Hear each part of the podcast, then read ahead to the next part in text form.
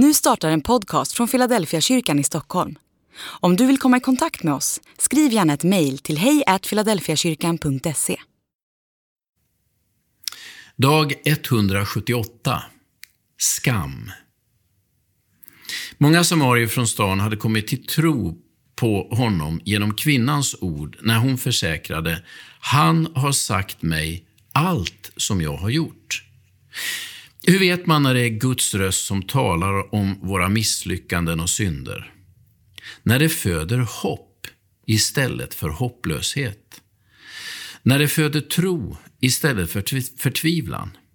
Bara Gud kan tala om vår synd så att vi blir befriade istället för generade, så att vi blir upplyfta istället för nedtryckta. När Jesus tar upp det mest såriga och infekterade området i kvinnans liv, vid Sykars brunn, så är det inte slutet på samtalet. Det är som en nystart. Det som har blivit fel kan nu bli rätt och det som har varit hennes stora skam blir istället nyckeln till hennes upplevelse av Jesus som frälsare och Messias. Hon undviker inte längre staden där hon har smugit runt med skam. Det som människor viskat om bakom hennes rygg talar hon själv om, rakt ut. Han har sagt mig allt som jag har gjort.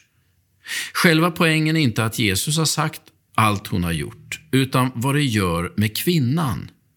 Hon har säkert mött många människor tidigare i livet som har velat säga allt hon har gjort.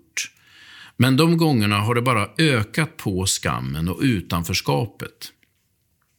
Hon var en sån man viskade om bakom ryggen. En sån man varnade sina barn för, ett exempel på hur illa det kan gå om man inte sköter sig. Men när Jesus talar om allt som kvinnan gjort, så leder det inte till ännu en våg av skam och förnedring. Istället leder det till en upptäckt av att Jesus är Messias och frälsare.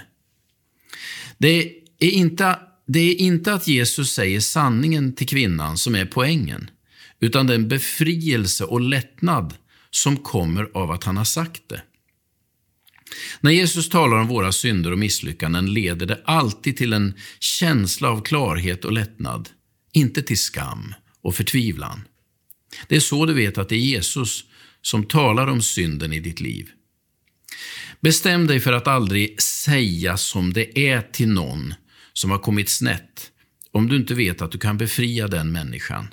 Världen behöver inte fler sanningssägare, utan fler helbrägdagörare.